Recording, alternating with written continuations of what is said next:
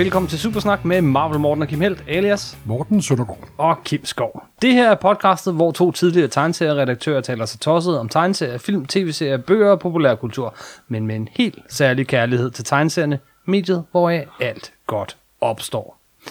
Og i dag skal det handle om Captain America. Kaptajn Amerika. Simpelthen. Den superhelt, som folk, der ikke elsker superhelte, synes er den mest tåbelige af alle. Og hvis folk kommer på klingen, så er han jo nok en af mine yndlingssuperhelte. Eller ret sagt, Steve Rogers er en af mine yndlingssuperhelte. Jeg har altså også altid været svært fascineret af ham, vel, samtidig med, at jeg hele tiden har haft den der øh, USA, Amerika og sådan noget, når man Men som det nok vil fremgå, det her, Captain Steve Rogers repræsenterer ikke USA. Han repræsenterer USA Cap League. Ja, ideen bør om. Amerika. Og drømmen om Amerika. Yes. Ikke realiteten, som han tit og ofte er oppe og slås og skændes med. Mm-hmm. Og alt det kommer vi ind på det her afsnit. Vi kommer til at, at snakke rigtig meget om Captain America. Vi har lige siddet og skændtes lidt, om det her bliver et eller to afsnit. Du det er ikke siger, noget skænderi, det er en kon- konstatering. lad os se. Jeg, jeg håber, vi kan kremme det hele ned i et afsnit, men, men lad os heller give plads, øh, og, så, øh, og så komme til, til bunds i den her Jeps. figur, fordi det er en af dine yndlingsfigurer, er det ikke sandt? Jo, det er det. Det er det, det må jeg indrømme. For mig har Captain America altid været Marvels svar på Superman. Jo, men det bliver han også tit sammenlignet med. Mm, øh, ikke at han har superkræfter på niveau med Superman. han har samme noget. moralske ryggrad Det er nemlig Superman. det. Han er, han er bare... Altså, han får spider til at ligne en stor forbryder. Han er ja. så god. De har jo stål, når det kræves. Ja, ja, ja. Hvor skal vi starte, når vi Vi snakker om skal Captain selvfølgelig America? starte med 2. verdenskrig. Eller ret sagt. Før. Øh, eller, nej, Ja, ja, vi skal 2. starte med... verdenskrig startede jo i Europa 1. september 1939, da Tyskland, Nazi-Tyskland angreb Polen. Mm. Men USA var jo ikke inde i krigen på det tidspunkt. Nej. Selvom øh, Roosevelt, der var præsident, selvfølgelig havde sine sympatier, havde lavet sine øh, løn- lend-lease-law og sender materialer over Atlanten osv. Så, videre, og så, videre. så der var en kraftig positiv stemning for de allierede, men ikke for alle amerikanere. Der var også en stor gruppe, som der mente, de skulle holde, holde sig uden for den kon- konflikt. Men nogle af dem, der i den grad sympatiserede med de allierede, det var jo øh, af gode grunde jøderne. Ja, simpelthen. Og, Og, og øh, som, som man vil vide, hvis man hører Supersnak, eller måske ved man det alligevel, så er stort set alle de tegneseriefigurer, vi kender i dag, de er skabt enten i, øh, i, før, i 30'erne og 40'erne eller i 60'erne af jøder. Simpelthen. og og- der var jo det meget berømte team, Joe Simon og Jack Kirby. Ja, og i 1940, altså vel at mærke et år før øh, Pearl Harbor, der øh, skaber de Captain America. Ja, simpelthen. Og der er jo reddet der. havde problemer. Der er jo senere vist sig senere været lidt de samme problemer, som der var med Stan Lee og Jack Kirby. Jack Kirby og hans kompagnoner har altid med at gå op og skændes om. Fordi der var en periode, da Joe Simon påstod, at det var ham, der havde skabt Captain America, nemlig.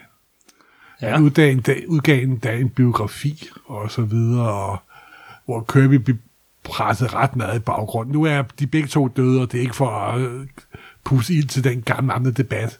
Men øh, han kom endda også med en tegning, han havde lavet, som den første tegning af Captain America. Og Og det har Al- måske også noget at gøre med, at han sagsøgte Marvel Comics to Det gange er for at netop få det. rettighederne til det figuren. er netop det. Og det er ikke for, det er bare lige for at komme ind på, at øh, Joe Simon var jo i forhold til mange andre, han var ikke kun en tegner, han var ikke kun forfatter, han var også tegner. Mm. Og, og Joe Simon og Jack Kirby's samarbejde var jo nok noget tættere end for eksempel Stan Lee og Jack Kirby samarbejdet, tror jeg. Ja.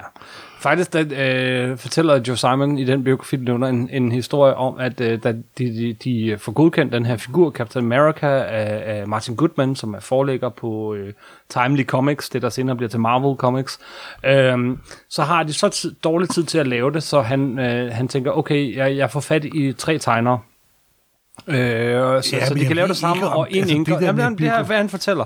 Og så, og, så, øh, og, og så da han gør det, så bliver Jack Kirby så forsmået og så sur, fordi han er ligesom, jamen det er jo mig, jamen, men jeg gør det jo bare, fordi du kan ikke nå det. Det kan jeg, siger Jack Kirby, og i løbet af et par dage får han lavet øh, Captain America nummer 1. December 1940 kommer det på gaden. Forsiden er rimelig kendt. Nej, det er da marts 1940, ikke? Nej, marts 1940 er den dato, hvor bladet blev pillet ned fra hylderne. Det udkommer faktisk i december 1940. Det er datoen, der står på bladet, er marts 1940. 1900, 1941. Der står marts 1941 på bladet. Men ja, det, det udkommer det, ja. i december 1940. Nå, nå, okay. Tjek, tjek, tjek. Øhm, Kom det virkelig i december 1941? Nej, 1940. Nå, okay. Det var så et år før USA gik ind i krigen. Næsten præcis. Ja. Ja. Og det var selvfølgelig, og i mine øjne, og nok de fleste andres øjne, så er selve den kreative hovedkraft bag Captain America, det er og bliver Jack Kirby i mine øjne. Altså, du, her mange år senere kan man jo ikke vide, hvilken kreativ samarbejde de to har haft, og det er umuligt at afgøre, hvor meget at Joe Simon havde med at gøre. Men hvis du, hvis du åbner Han påstår, pladen, at han lavede uh, skitser og breakdowns. Ja, det ved jeg nu ikke, om jeg skal stole på. Det må jeg endnu om. Jeg må sige, at når man så bladrer sådan et Captain America-blad, øh, de første 10 hæfter, 10 eller 11 hæfter, de to noget at lave sammen. 10. 10, 10. Øh, så er det en anderledes Jack Kirby. Øh, selvfølgelig er han yngre og alt sådan noget, men, men sidelayoutet i de her tidlige hæfter, jo. De er jo der, super, de, de, super inspirerende de, de, og super, sprænger men, alle rammerne. Men, men, men det gør de nemlig. Der er runde paneler og, og arme, der rækker ud over panelerne, og alle de her ting, som han, han skærer, skærer ned på. Det er jo den første gang, det, vi ser købedynamik for og, og det er helt vildt. Altså, det, der er virkelig købedynamik. Men senere Købe, der, der holder han sig inden for rammerne, som regel.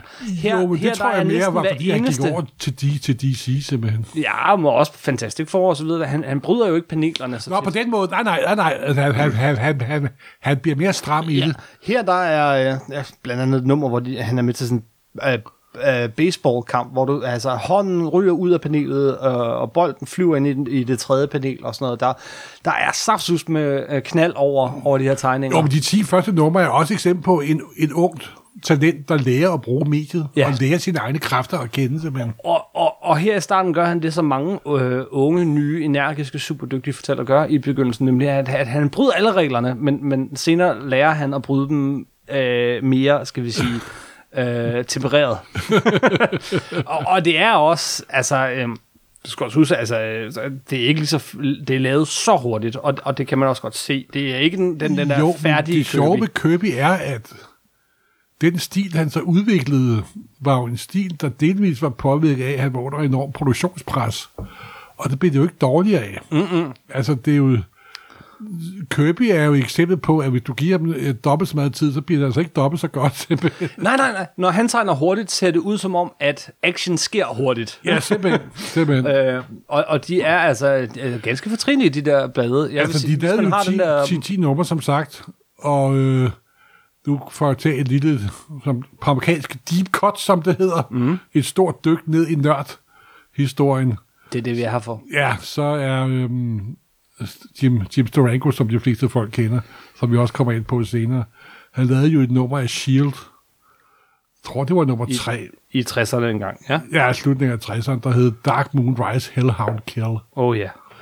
Og der er sådan en badberømt dobbeltsplash page, hvor titlerne viser Dark Moon Rise Hellhound Kill, og historien foregår inde i teksten, som det var øh, paneler. Mm-hmm. Og det tror jeg, wow, det er da enormt kreativt. Og så mange år senere finder jeg ud af, at det er en direkte kopi af en dobbeltsplash page for, jeg tror det er Captain America nummer 5 eller 6, hvor det også handler om en helvedes hund, ja. på i hede, og er der, er der basketballs. Ja. Så det er sådan, så det, det er sådan en kopi. Ja, det er der ikke god sådan en tip med hatten til, Captain ja. til, til Jack Kirby. Yes. Uh, nummer et... Uh... Er jo en af de mest ikoniske superhelte-forsider af hele tiden. Det må man sige. Hvor Captain America giver Hitler en ordentlig kævetrækker. Slam!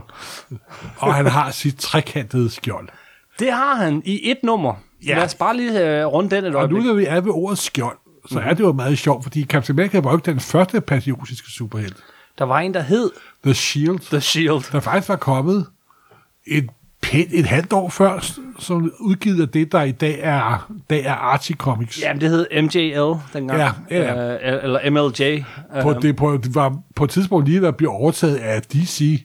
Hmm? DC har faktisk udgivet en Shield-serie på et tidspunkt, en, ja, gang, ja. en, gang, en gang i 80'erne. Yes. Det var dog ikke særlig længe. Men anyway, uh, de uh, bliver en lille smule fortørnet over, at det skjold, uh, Captain America han render rundt med, det ligner Og det gør det, det, gør det ligner også. Den, øh, det ligner, den, den, den øh, brystplade, som S.H.I.E.L.D. har. Ja. Nu er skjold jo et skjold, kan man sige. Ja, men, men, men så er det så, at de, de allerede fra næste nummer laver det der ikoniske øh, runde skjold. Ja, og så kommer det meget interessante, som jeg pludselig kommer til at tænke på. Ja. For jeg ved, at frisbeen blev opfundet af studenter, der stod og smed kageformer til hinanden. ja. I slutningen af 45-46, Er det så vidt jeg ved. Men han bruger jo sit skjold som en frisbee, og smider med det, og så videre. Men ved du hvad, Morten, så kan jeg komme med et andet deep cut. Fordi det gør han ikke i nummer to. Men i nummer tre er der en historie, skrevet af en ung Stanley Lieber. Ja, det ved jeg godt. Og i den historie får vi første gang at vide, at Captain America bruger sit skjold til at kaste med, og det vender Ah. tilbage til ham. Så det er faktisk Stan Lee, der finder på, at skjoldet er noget, en- han bruger er som bu- kastevåben. En boomerang, Det er simpelthen. faktisk Stan Lee. Gud, wow. det, grund, det er jo ikke, Stan Lee skrev jo ikke en tegneseriehistorie, men på grund af regler for skulle kunne sende bladet ud til abonnenter, skulle altid være en teksthistorie i hver nummer. Ja, for Og ellers den så var var skrevet af den meget unge dyre. assistent, som Joe Simon og Jack Kirby var blevet påduttet af deres forlægger. Ja. Og måske også kimen til mange års med sådan, Kompliceret venskab. ja, ja, må man sige på den måde. Ja. Fordi der skete jo ikke verden der bedre end Captain America igen at blive en drønende kæmpe succes.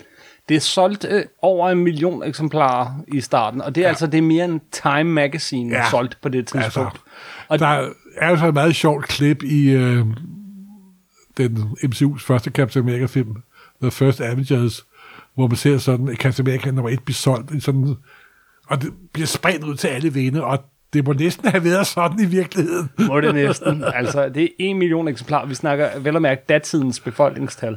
Ja, altså, jamen, det, jamen, det viser jo bare, hvor gerne tegnesermediet det er i slutningen af 30'erne, starten af 40'erne, virkelig slog igennem som noget nyt og spændende og interessant. Og, Og hvis Ja, det ikke det var for Captain America, øh, så, jamen, så havde der jo ikke været Marvel i dag, fordi at, at det, var, det var drivkraften bag. At, Ja, det var at det. Timely Det Comics var det. havde ikke andre hits. og De de havde en små hit med Submarine og så Human Torch, men det kan slet ikke sammenlignes med Captain America. Øh, slet ikke. Men nu har jeg jo ikke... Altså, problemet også er, salgstal for den gang, det er jo nærmest ugennemskueligt at finde ud af, meget og hvor lidt og hvor det og så videre, så videre. Mm. Men hvis du ser på de 10 numre, som øh, Joe Simon og Jack Kirby skabte sammen der, så er de faktisk noget af det golden age, du den dag i dag kan læse. Jeg vil nok hellere sige, at man kan kigge på. Jeg har læst dem. Te- teksterne er ikke fantastiske, men, men, Nej, og men- historierne er temmelig Men tynde. grafisk er, kan du se, at ja. de er milevidt over. Det var kun i avistegnet Alex Raymond, Milton Caniff og Will Eisner på Spirit, der sådan havde samme niveau, som Kirby havde der, må man sige. Fuldstændig rigtigt. Og så var det som sagt, de var jo lavet, de der 10 numre er jo lavet inden for utrolig kort tid, nemlig. Mm-hmm. Og han pulserede af energi, simpelthen, det må man sige. Så, og så skulle man jo tro, det ville blive ved. Kæmpe succes.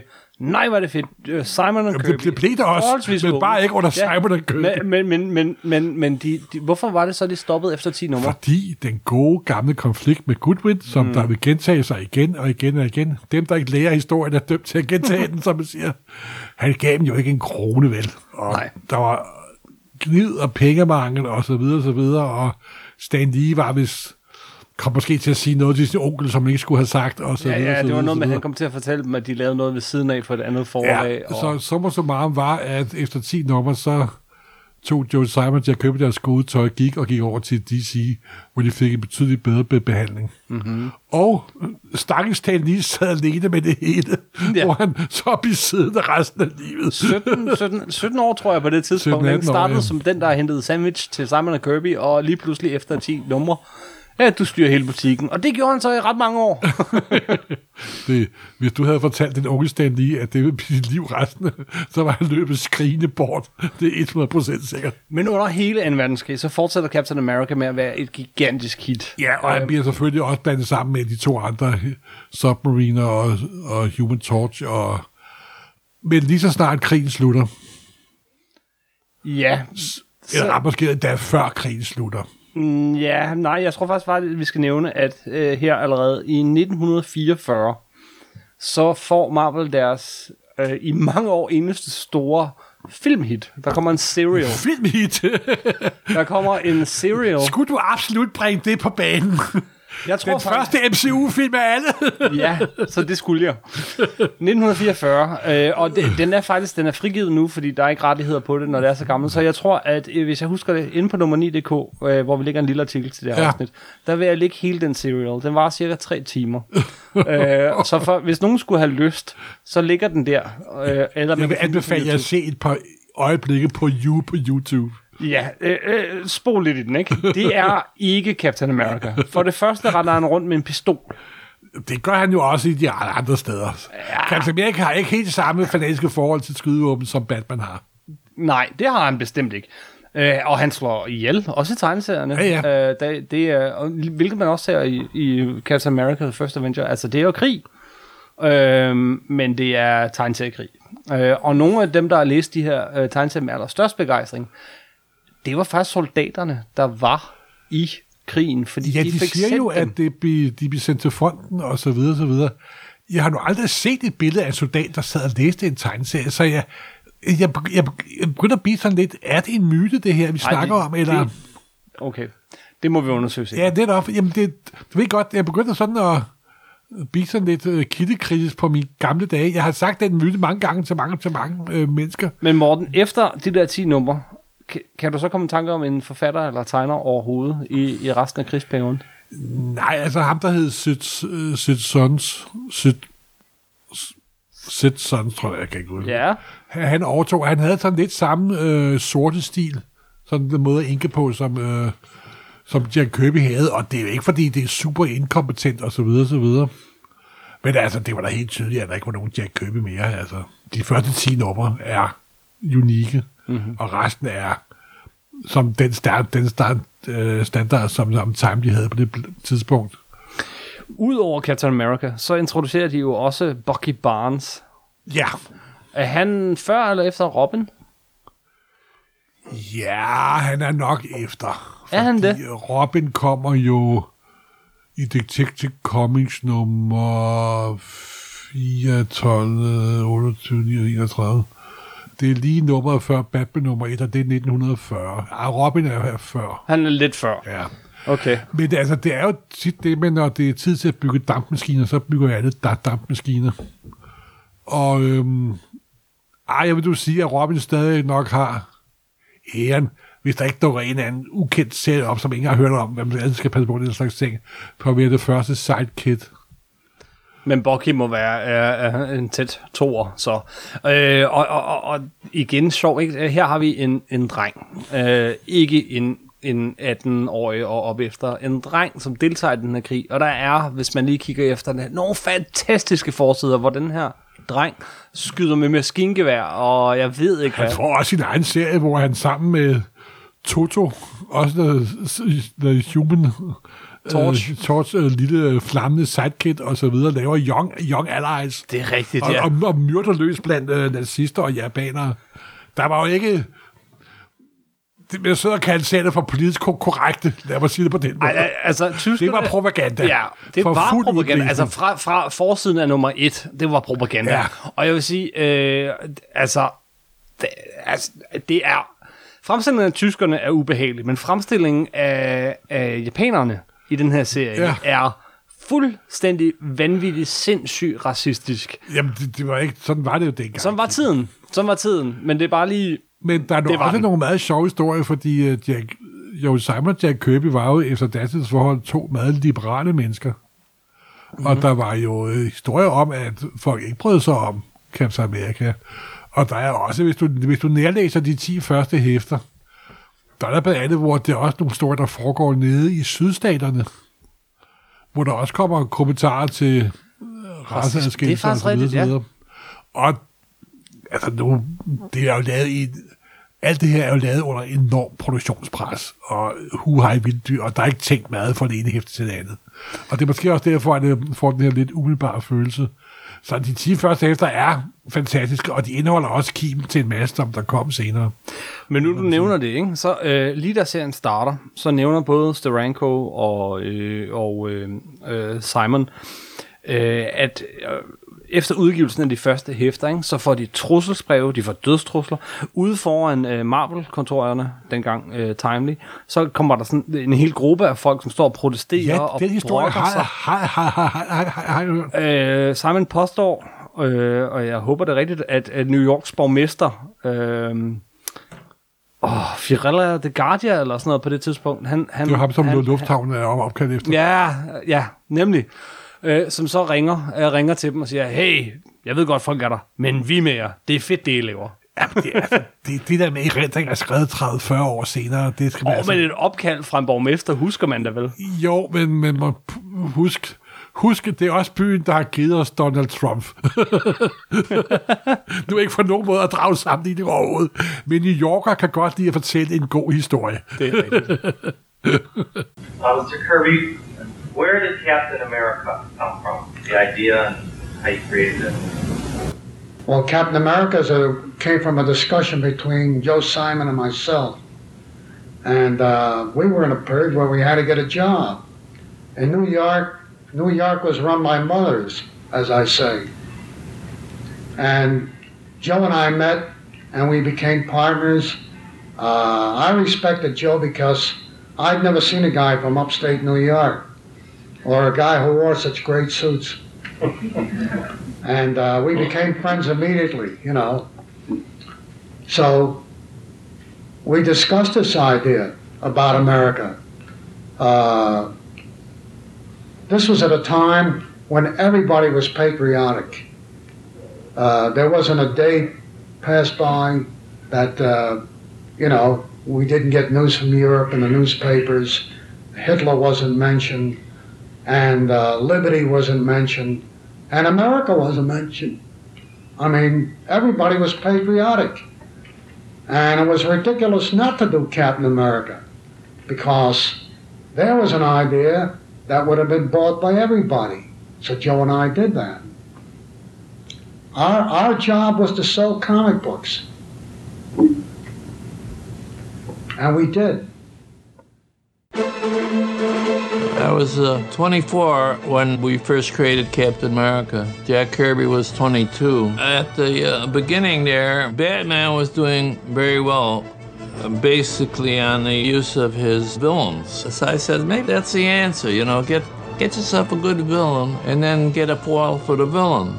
Instead of the other way around. And so uh, Adolf Hitler was there. So I figured, well, he's a live one on his own brutal way as we all know. He'll be the villain and uh, get yourself a patriotic guy to be his foil. So we designed Captain America. It had a different look than the other comic books. Jack Kirby did some really great action figures, and I was a great layout man. And the first issue sold out 97%. It was the layouts, they were radical. Everything else was very illustrated, very polished, and uh, we didn't care about that. Ja, men så, øh, øh, da Kirby og øh, Joe Simon og Kirby forlod Timely, så var sådan nogle andre tog over, og så gik tiden, de lavede som, så gik tiden, og 2. verdenskrig sluttede. Og når 2. verdenskrig sluttede, så droppede salget af de her patriotiske serier også totalt off. Og det endte med, at Captain America stoppede vist i 49, tror jeg det var. Hvor de sidste par numre bare var blevet til horror comics. Og sådan. Ja, det, det, det ændrede titel øh, til øh, Captain America's Weird Tales, Ja. og blev sådan nogle horror-historier. Det sidste nummer, tror jeg endda, jeg droppede- tror, de sidste to numre var vist rene horrorhistorier. Jamen, de sidste to numre var uden Captain America, Ja. og, øh, og, og øh, Og, ja. og det er jo også meget typisk for den øh, tid, der var for underholdningsindustrien efter 2. verdenskrig, nemlig at der tog crime og horror og dagligdagshistorier over. Og, og jeg tror, folk bare var trætte af krigen, og alt, hvad der mindede dem om krigen. de havde ikke lyst til at høre Og superhelte mindede dem om krigen simpelthen. Ja, Ja, ja. ja. Det var puff. Og det var, som vi har sagt utallige gange før, kun de tre store, der overlevede, at krigen sluttede. Superman, Batman og så Wonder Woman. Mhm. Mm-hmm. Men øh, Timely Comics fortsatte jo, og begyndte at udgive hav af teenage-serier og horror-serier Western-serier og, og- western-serier under leder af Stan Lee. Men så i 53, der var der jo en ny fjende, der troede USA. Kommunisterne. Og denne fjende var jo ikke så åbenlys, indlysende ude på at slå dig ihjel som øh, nazisterne og, og, og som akselmagterne var. Men det var, var det jo en fjerde så Captain America genopstod sammen med Submariner og The Human Torch. Ja. Var Young Men Comics nummer 4. 24. Det er rigtigt. Captain ja. America Commie Smasher stod der på forsiden. Og det sjove er, at de var skrevet af Stan Lee, og tegnet af en ung tegner, som vi kommer til at høre meget mere til, John Romita, mm. før han hed Julius Senior. Ja, ja. Og det sjove ved de historier er, at de faktisk på nogle punkter, sådan, når man læser serien tilbage i 40'erne, så var man sgu godt klar over, hvem der var de otte og de gode.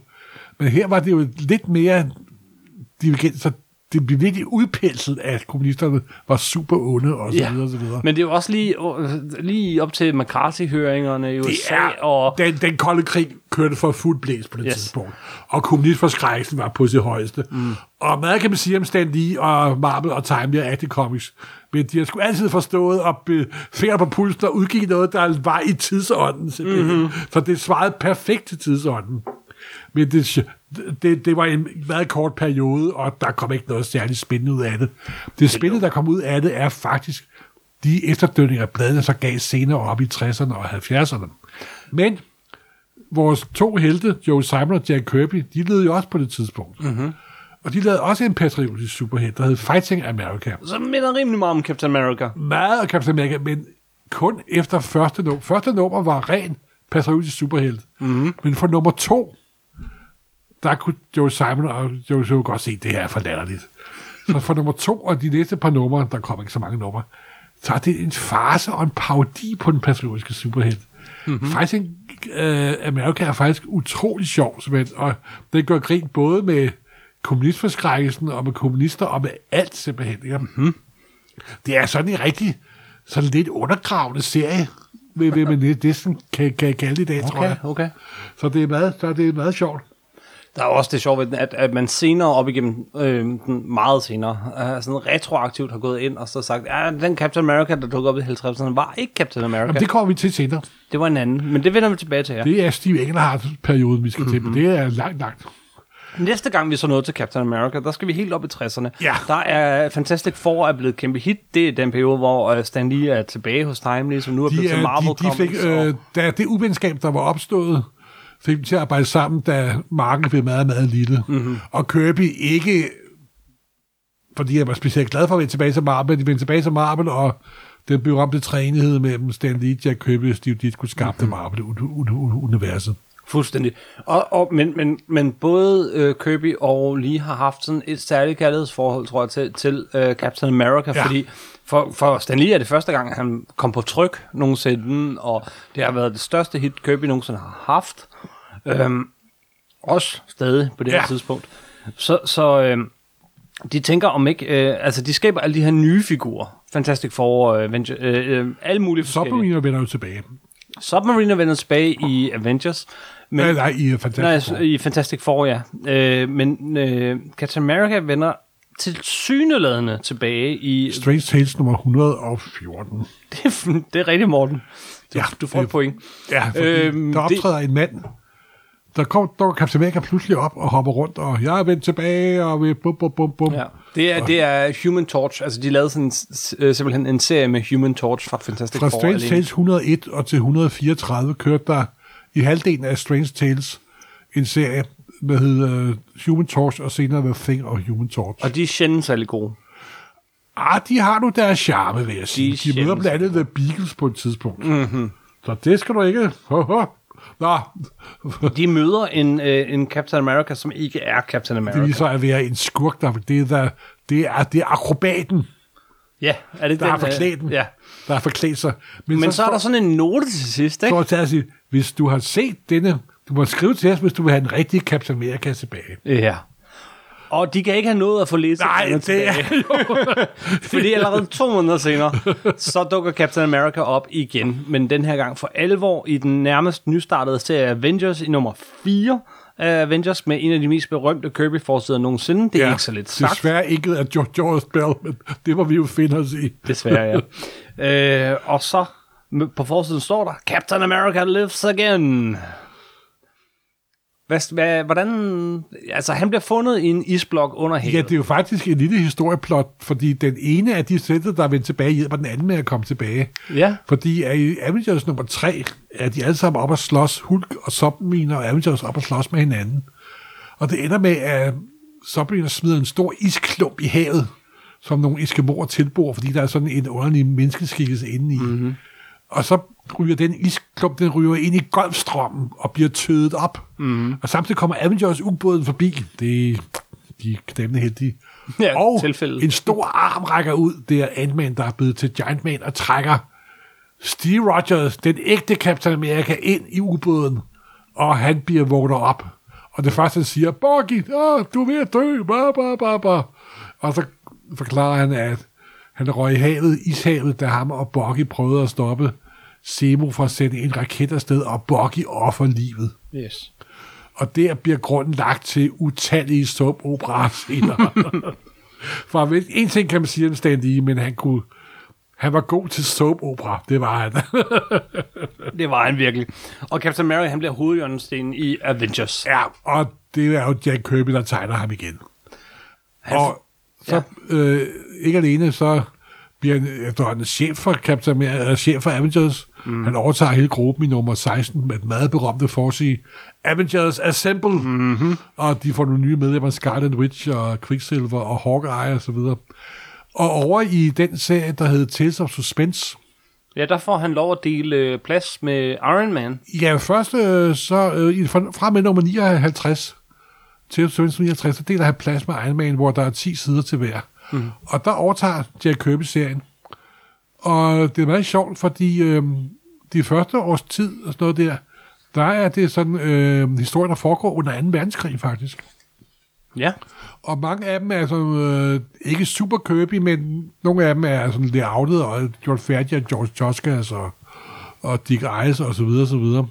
Og The Red Skull dukker op.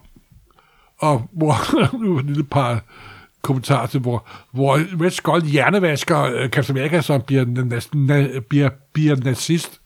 Men gudskelov var ikke noget, der hed Twitter tilbage i, tilbage i 60'erne. så det, det foregår ganske stille og roligt.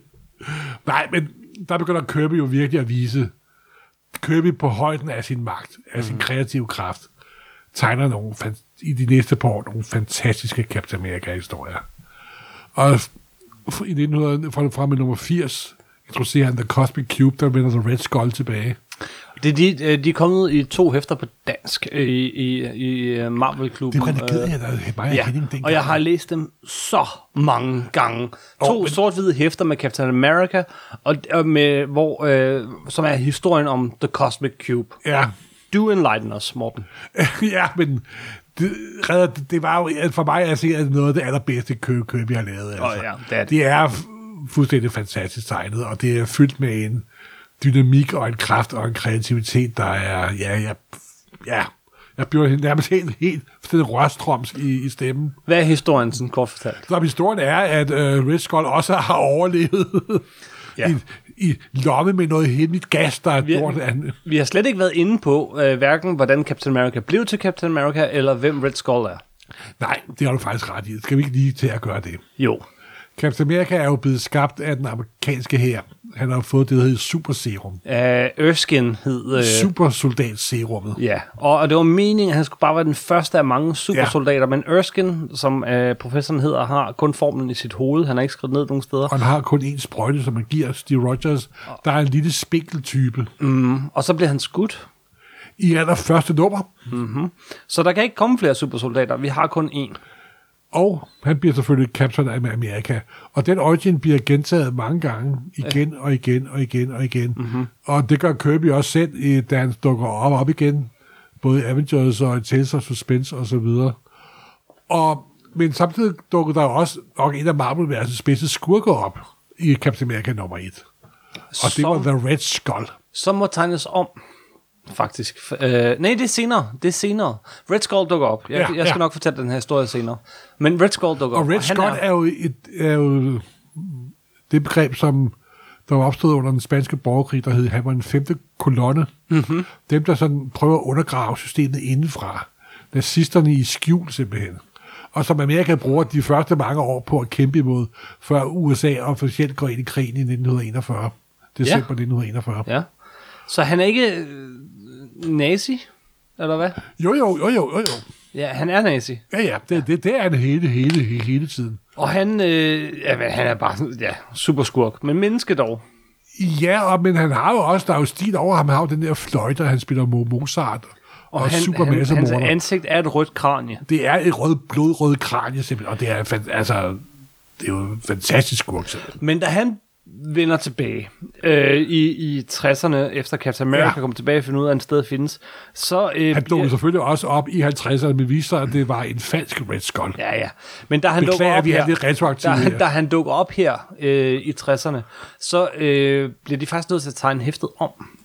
Fordi at Comics Code på det tidspunkt ikke vil have, at man tegner nogen øh, tegner kranier.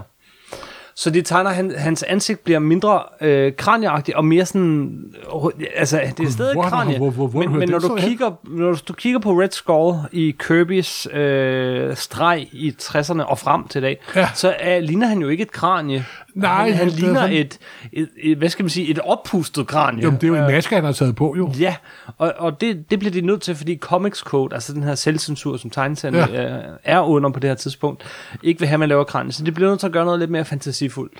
Nå, og derfor det er- ser han ud, som Nå, han ser ud. Gud, wow, det er en historie, jeg ikke hørt. Hvor, hvor har du hørt den henne? Åh, oh, det har jeg fuldstændig... Det, jeg skal, det skal jeg undersøge. ja, ja, du, ja, jeg er meget glad, altid Ja. glad for de informationer.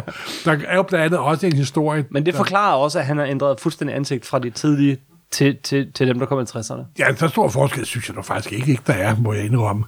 Øh, Jack Kirby og Stan Lee giver også øh, Red Skull en, øh, en, sådan en oprindelseshistorie, mm-hmm. der er rigtig god faktisk. Det er sådan et af de partikonventer, som Adolf Hitler holder, og så raser han mod et eller andet, og så er sådan en lille stilfærdig øh, hotelmedarbejder, der peger jeg kan forvandle den mand til et monster, ved at inspirere ham med min kraft og energi og så videre. Ja. Og så den her lille uanselige hotelmedarbejder får så den maske på, og bliver til The Red Skull. De var selvfølgelig senere bygget videre på historien, og givet dem baggrund og alt muligt. Men det er en meget sjov idé, at Red Skull er skabt af Adolf Hitler, af selve hans ondskab simpelthen. Ikke? også? Ja. Og s- Red Skull overgår jo nærmest Hitler i sin ondskab, dog ikke overgår han. Der er selvfølgelig en masse andre ting der. Men altså, øh, Red Skull vender tilbage i 60'erne. Det gjorde Adolf Hitler for øvrigt også, som The Hate Monger. Det er en klon af Adolf Hitler jo. Nå, i, øh, i serien. Ja, i Fantastic Four. Ja. Det et tidspunkt. Captain America, han får så også øh, en af de sådan, definerende karaktertræk ved Captain America er øh, noget, der, der kommer her, fordi han bliver tøet op af isen, er, at han er en, en mand ud af tiden. Han er ikke på sin egen tid, og, og han er ikke helt med på alle de, de ting, der foregår. Man kan sige, der i 40'erne og 50'erne, der er han med på tidsånden. Ja, han er jo kun været væk i 25 år. Men ikke? da han vågner op i 60'erne, og det er noget, Stan Lee introducerer i Avengers nummer 4, det er den der, som du selv siger, er Man Out of Time. Og det er nok et tema, der kører faktisk den, den dag i dag. Nogle gange så lidt overbrugt. Ikke? Altså, jeg, det, der var et hæfte for nylig, hvor han kigger på en mobiltelefon, og det kan han slet ikke finde ud af. og, og det er sådan, ja, nu har du jo været her et stykke tid. Jo, men der er jo altid det problem med tegneseriekronologi, ikke også? Mm. Captain America er jo, har været tøet ud af, isen meget, meget, meget, meget, meget, meget, meget længere, end han var tilbage i 40'erne. og- I, Ja. i 40'erne. Ja. Men rent tidsmæssigt, når man læser historie, så er det jo nogle år siden, han er blevet tøet op. Ja. Eller så er foregået 50 års eventyr med dem på de par år. Men der er sket, det, det er altid højst syv år Det siden. er den klassiske øh, hjerne, man skal have, når man læser superhelte-tegneserier. Yes, yes. Det skal være en lille smule smidig. Nej, men Jack Kirby øh, virkelig viste sin fulde tegneseriemæssige potentiale i de numre af Tales of, of Suspense. Især 80, 81, 82, der er en fantastisk historie med øh, 80, 81, med uh, hvor Red Skull forfandt The Cosmic Cube, der kan være alt tanke til handling. Og for dem, der ikke ved, hvad Cosmic Cube er, så kan jeg bare sige, det er The Tesseract fra, fra, øh, fra, fra de nye Marvel-film. I hvert fald i udseende. Men, men Udseende. forskellen er, at øh, The Cosmic Cube, den kan simpelthen den kan øh, ændre alt. Men, altså, det, det er jo sådan en MacGuffin, der forandrer lidt kraft hele tiden, men det blev i, 19, i of Suspense 1980 jeg slutter Intelligence nummer, nummer 80, bliver den jo skabt af den organisation, der hedder AIM. Ja. Advanced Ideas Mechanics. Mechanics. Jeg kan huske tilbage i 70'erne og 80'erne, der var der et marketingsanalysefirma, der hed AIM. Og når der kom en ny måneundersøgelse fra AIM, så smilte jeg altid sådan til, ah, de onde videnskabsmænd prøver at undergrave verden igen yes. med deres falske En undersøgelser. herlig sådan Marvel øh, super skurke organisation, hvor alle de er gale de, de, de ligner alle sammen sådan nogle gule øh, beekeepers. Ja, her- her- Øh, her- der, der, biavlere. det er biavlere. Det er ganske vidunderligt. Men de skaber denne her Cosmic Cube. Mhm. Mm-hmm. En terning, der kan forvandle tanke til handling. Mhm. Mm-hmm. Eller som den daværende oversætter, før jeg overtog, kaldte det, den totale terning. Den totale terning. Hvad der ikke er helt dumt. Nej, men øhm, Kirby laver sin Captain America og laver det bedre end i nogen siden. Og der kommer nogle figurer med i, serien. Altså for det første, så øh, øh, mm, kommer han tilbage til at være venner sammen med Nick Fury, som også øh, har overlevet lige siden 2. verdenskrig. Ja. Øh, fordi han, men af en anden grund, han har sådan en... Han er øh, ungdommens kilde. Det bliver først for- forklaret senere. det bliver forklaret senere. Nej, og, men vi er jo stadigvæk i 60'erne. og han bliver venner Så med en god motion og pas godt procent, kan man godt have overlevet for første. Det kunne man selvfølgelig. Og øh, vi får introduceret Sharon Carter, Ja. som fylder meget i starten, så forsvinder hun lidt ud, men hun vender tilbage senere, øh, som den store sådan, kærlighedsinteresse. Øh, og så øh, nogle år senere, nu er vi oppe i 70'erne Ah, faktisk. øh, Ah, hopper jeg for hurtigt? ja, vi skal lige afslutte Kirby-perioden. Ja, den første Kirby-periode. Ja, den første Kirby-periode, fordi Kirby laver jo så Captain America, så på et tidspunkt omkring 67-68, der får Marvel lejlighed for at udvide deres sortiment af blade, og alle de blade, der kørte i Tales to Astonish Journey into Mystery og Tales of Suspense, hvor de kun køber 10 sider gang, de får deres eget blad. Mm-hmm. Submarine, Iron Man, Hulk og så videre. Og Captain America får også sit, sit eget blad. Og, så, og de første øh, 9-10 numre, det, det er tegnet af Jack Kirby. Blandt andet også enket af, hans, af ham, der overtog hans tegnjob, efter han forlod Timely første omgang på Captain America, Sid Sunstead. Og de der 9-10 numre, Kirby laver der på Captain America, de er Altså, det er jo, så, de er jo ganske fantastiske, simpelthen. Det er jo Kirby og Captain America for fuld udblæsning. Og i de det sidste, så den rigtige hele nummer, han lavede, han lavede også et på et senere, men nummer 109, der genfortæller han The Origin af Captain America, og der introducerer han en ny og meget vital ting. ting. Det er første gang, at man bruger ordet Vita Rays. Ja. Fordi ikke alene får han sit serum sprøjtet ind, men i nummer 109 introducerer han også, at han bliver udsat for de her Vita-stråler, de vitale stråler, Ja. der gør, at han bliver den perfekte super soldier. Og det er et plot-element, der, som vil dukke op i mange scener, hvor folk bruger serummet, men de får ikke der Vita Rails. Og det gør jo tit, at det så mislykkes, og, og så videre, og så videre. Men det er nummer 109, hvor øh, Kirby og den lige igen fortæller Origin, det er et fantastisk nummer, simpelthen. Det er meget berømte forside, hvor America springer ud gennem en avis fra 1941. Simpelthen. Mm-hmm. Ah, ah, ja. Men så i nummer 110 og 11 og 13, så er der en helt ny tegner, der laver en lille, men meget, meget, meget, meget kendt Captain America-historie. Det må man sige. Og det er Staranko. Jim Steranko, som... Øh, altså... jeg ved ikke, hvordan man skal beskrive Jim Steranko. Pop art. Øh, ja, pop Det er art. tegneseriens Andy Warhol. Han er nok den, den tegner, øh, som har lavet mindst, men haft størst indflydelse. Altså de to ting i forhold til hinanden. Men han lavede tre numre af Captain America. Nummer 110, nummer 111 og nummer 113. Der er ganske fantastiske. Men han lavede ikke nummer 112, fordi den kunne, der mistede han deadline. Ja, fordi Steranko, han tegner så fantastisk, så godt, så vildt. Han er så bare han ikke kan doven, lå- er han. Han, kan han er doven. Han er- fordi hvad gjorde produktionschefen på Marvel, da de manglede det hæfte til at putte ind til at trykke med Captain America? Han ringede selvfølgelig fredag aften til Jack Kirby. Og hæftet lå på sin plads mandag morgen. Selvfølgelig. 20 sider. Jack Kirby. Værsgået. Det var sgu dengang, der var arbejder altså i stedet for de der unge fnøser, der ikke kan gøre det helt Kirby kunne sine ting. Simpelthen. Yes. Og nummer 112 var så Jack Kirbys sidste Captain America i meget lang tid. Ja. Fordi der skete jo det, at Kirby forlod Marvel. Ja. Det er jo det er jo et rammeskrig. Altså, det var jo forfærdeligt. Det var, Ej, jeg tror du ikke, at det var... Der gik noget længere tid. Han forlod Captain America, men der gik noget længere tid, før han forlod Marvel. Ikke så meget længere, men jo. han forlod Marvel, og, øh, og, og hvad gør man? Øh, I første omgang, han forlader Captain America, og så forlader han Marvel. Og hvor stiller det så Captain America?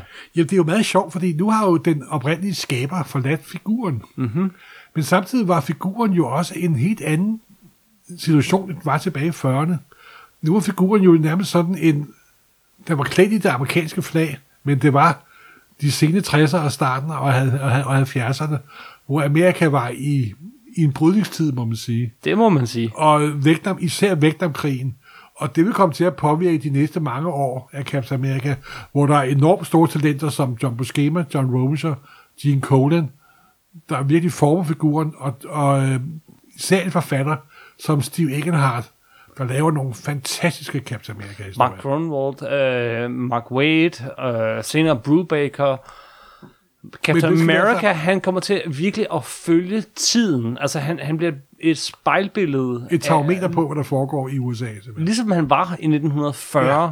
december, da, da, da det første nummer af Captain America Altså, hvis du kun havde en stor stak Captain America comics, og intet andet viden om den amerikanske historie, så giver det et meget godt billede af de op- og nedture, USA har haft de sidste mange, mange år. Og du vinder vedmålet fra starten af. Det her det bliver to afsnit, fordi det her, det er hvad næste afsnit af Supersnak kommer Var til der, at var der handle om. nogensinde tvivl? Jeg havde håbet, men, Ja, du håber, men jeg Men- men Captain America er en af de yndlingsfigurer, og der er meget snak om, og, og også hele den her spejling af det amerikanske samfund. Altså nu har vi været igennem øh, Første Verdenskrig, vi har været igennem 60'erne, vi er, øh, hvad hedder det, den her kommunistforskrækkelse, anden 2. verdenskrig. Vi har været igennem øh, kommunistforskrækkelsen i 50'erne, vi har været igennem 60'erne, og øh, Og nu kommer vi også til en ny generation af forfattere, som der ikke er skabt af 2. verdenskrig. De er en helt ny generation, der Mhm. mm-hmm. ikke har 2. verdenskrig i baghovedet. Og de skaber også en helt ny type øh, Captain America-historie. hvor Captain America, manden med det amerikanske flag på tåret udenfor, stadig står for Amerika, men ikke partipolitik. Og også hvor Captain America og hvor Steve Rogers træder meget mere i karakter. Mm. Og den Steve Rogers, vi kender i dag, bliver, bliver skabt, kan kan man sige. Også selvom han flere gange undervejs smider dragten Uh, det er sket mange gange, og det vil vi gennemgå alle sammen. i næste afsnit af Supersnak. Simpelthen. Så mange gange. Tak for den her gang. Næste gang, så er det endnu mere Captain America. Det bliver et dobbelt afsnit, det her. Husk, du kan finde alle tidligere afsnit af Supersnak inde på supersnak.nu. Du kan finde artikler inde på nummer 9.dk. Du kan følge os inde på facebook.com supersnak podcast ud i et. Der kan du også kommentere på det her afsnit og på, på komme med forslag til fremtidige afsnit. Øh, vi elsker at høre fra jer. Og noget vi især elsker er, når I går ind på iTunes eller hvor du hører podcast og giver os en øh, fuldstændig anmeldelse og nogle kommentarer. Der er kommet sådan nogle skønne kommentarer inde på øh, iTunes. Jeg sad og læste dem her den anden dag. Det er så fedt at høre fra jer, og tusind tak for det. Men øh, vi når ikke at gøre Captain America færdig her, ellers var det to timers podcast, og det tror jeg simpelthen ikke, vi overgår i dag. Men vi fortsætter, hvor vi slap i dag med øh, øh, Kirby har forladt Captain America. Hvad skal der så ske nu? Simpelthen. Så tak for den her gang. Hej hej. Hej hej. When Captain America throws his mighty shield, all those who chose to oppose his shield must yield.